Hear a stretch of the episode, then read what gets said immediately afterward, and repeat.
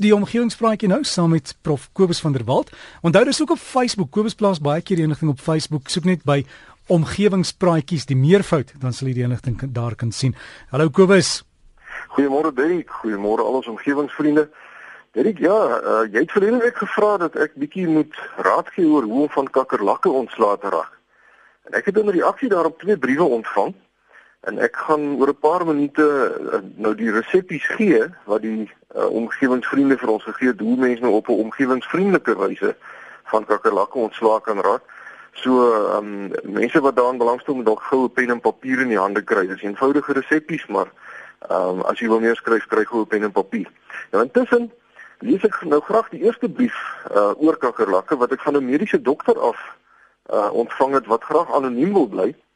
En die dokter se eerste stukkie nuus wat seker nou 'n bietjie ontstellend is en mense wil dit nou nie graag hoor nie, is dat bykans bykans alle staatshospitale vol kakkerlakke is. Nou dit sê die mediese dokter wat in die hospitaal gewerk het.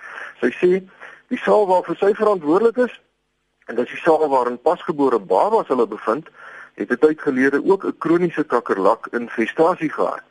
Wat lewensgevaarlik kan wees in 'n hospitaal wat kakkerlakke is die draers van baie gevaarlike en weerstandige organismes. Nou sy sê omdat gif gevaarlik is vir babas en eintlik is eh, gif gevaarlik vir alle mense, het sy die pestbestryders met hulle gif verban uit die babasaal uit en toe self gaan oplees oor die saak. En sy het toe agtergekom dat kakkerlakke baie water nodig het om te floreer en dat hulle daarom floreer in die teenwoordigheid van lekkende krane. En dis natuurlik iets wat redelik algemeen voorkom ehm um, volgens die mediese dokter in die hospitaal waar sy nou gewerk het. Nou sy het toe 'n sakkie kraanwasters permanent in haar kantoor gehou en die selnommer van die hospitaal se loodgieter op haar foon gebeere en hy moes onmiddellik enige lekkende kraan kom herstel sodra sy dit aangemeld het en die loodgieter kon toe nou nie meer die verskoning aanbied dat daar nie wasters is nie omdat daar nie geld is nie en al die lekkende krane is dadelik herstel. En sy sê haar navorsing het verder gewys dat kakkerlakke agter kos aankom en sy het enige kos ook verban uit die babasaal uit. Sy sê gelukkig het babas nou nie borde vol kos nie en sy kon die konsep mooi verduidelik aan al die moeders van die babas en ook aan die verpleegsusters. En van toe af was dit heeltemal verbode vir enige volwassene om enige voedsel of lekker goed in 'n babasaal in te neem. En nadat sy hierdie twee eenvoudige maatreëls getref het, het die kakkerlakke verdwyn want daar was nie meer kos of water vir hulle nie. En die beste is dat daar nie 'n enkele druppel gif in die proses gebruik is nie. En soos jy die kakkerlakke het ook weggebly. Nou baie dankie aan die mediese dokter wat so gaaf was om haar ervaring met ons te deel.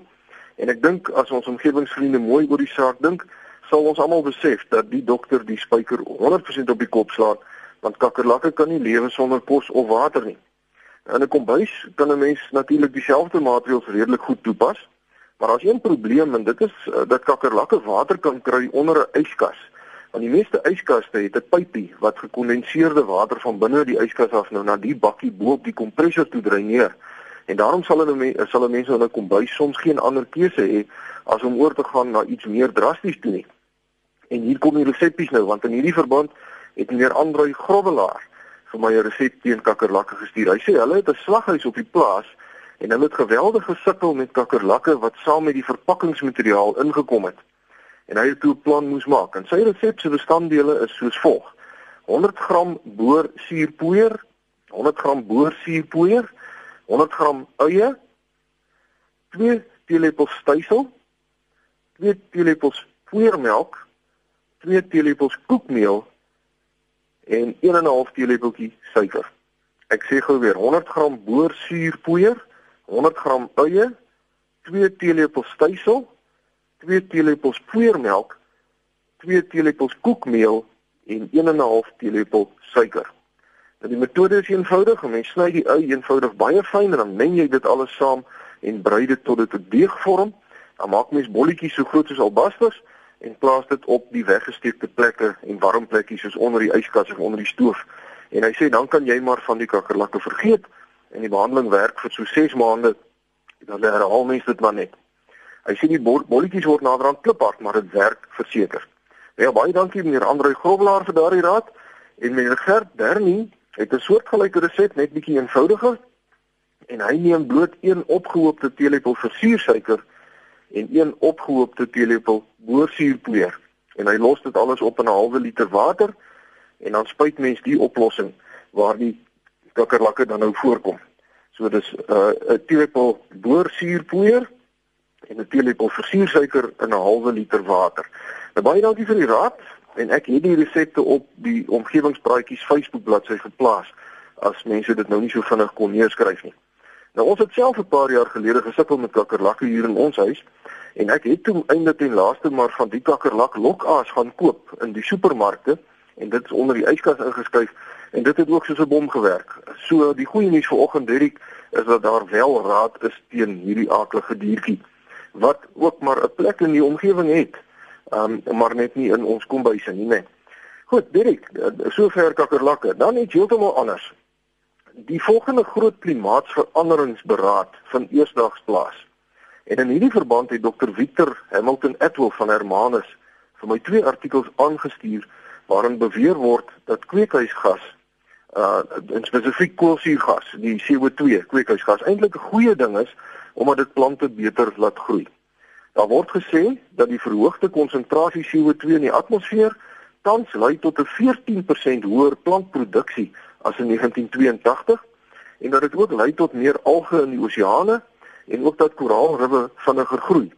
En volgens hierdie denkskool is die voordele van CO2 in ons atmosfeer duidelik meetbaar tans, terwyl die nadele eintlik tans nog blote spekulasie is. En 'n beroep word nou daarom gedoen om CO2 soos die mense dit stel te demoniseer. Met ander woorde, CO2 is eintlik iets goeds en die wêreldwye pogings om CO2 vrystellings te verminder en oor te gaan na groen energiebronne is dan eintlik misleidend, kontraproduktief, dis geldmos en dis tydmos. Nou baie dankie Dr. Victor Hamilton Atwell vir die artikels. En dit is natuurlik wel bekend dat plante beter groei hoe meer CO2 daar in die lug is. Trouwens, sommige kweekhuise gebruik koolsuurgas om plante binne in die kweekhuis weliger te laat groei. Hulle pomp dit in en dan groei die plante baie lekker. En hoe weliger die plante groei, hoe meer koolstofdioksied gebruik hulle natuurlik en hoe meer suurstof stel hulle vry. So hierdie meganisme is een van die terugvoer siklusse wat in die natuur ingeskape is om 'n balans te handhaaf hier op aarde. Hierdie proses is soortgelyk aan die effek van sweet by mense. Met ander woorde, as jy warm kry, dan sweet jy en die sweet koel dan jou liggaam af. Met ander woorde, jy het 'n ingeskape selfregulerende temperatuurhandhawingsmeganisme. Nou die meeste stellings in hierdie denkskool ten gunste van CO2 is heeltemal waar. Maar wat die voorstanders van daardie paradigma nie in gedagte hou nie, is dat die 14% weliger plantegroei op aarde juis die poging van die aarde is om die balans te herstel. Met ander woorde, die natuur gebruik nou meer koolsuurgas en stel meer suurstof vry om die oormaat koolsuurgas wat die mens nou in die atmosfeer inpomp te probeer verwyder. Die voorstanders van CO2 is ook nie heeltemal eerlik as hulle beweer dat die negatiewe effekte van hoë koolsuurgasvlakke in die atmosfeer nog slegs spekulasie is nie want daar is baie goeie inligting, daar's 'n baie goeie korrelasie tussen hoë koolsuurgasvlakke en 'n wêreldwye stygings in temperatuur.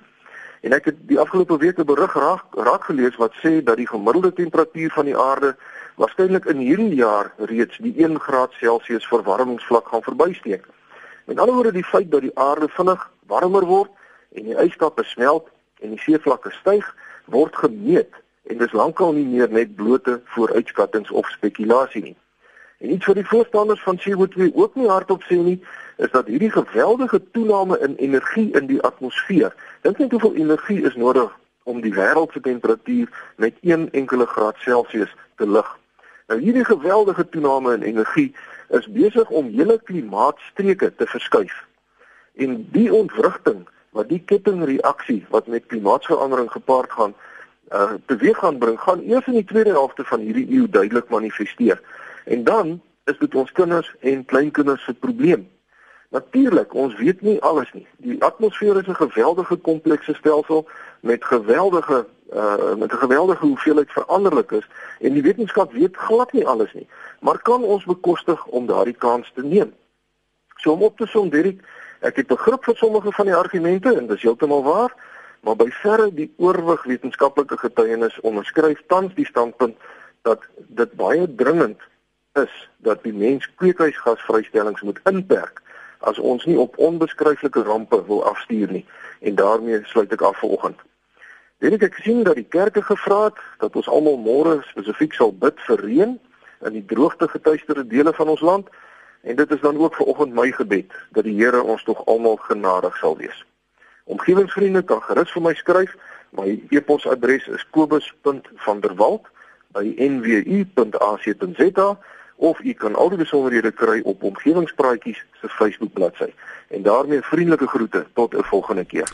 So gesels ons dan met Kobus van der Walt. E-posadres is kobus.k kobus.vanderwalt@nwu www.ac.za is professor by Noordwes Universiteit en dan op Facebook en daai resep teen kakkerlakke is al reeds daar gelaai van meneer Andrei Groblaar. Jy kan geloer by omgewingspraatjies. As jy op Facebook soek net omgewingspraatjies, sluit aan by die groep en dan kan jy die resep kry en laat ons weet of dit werk.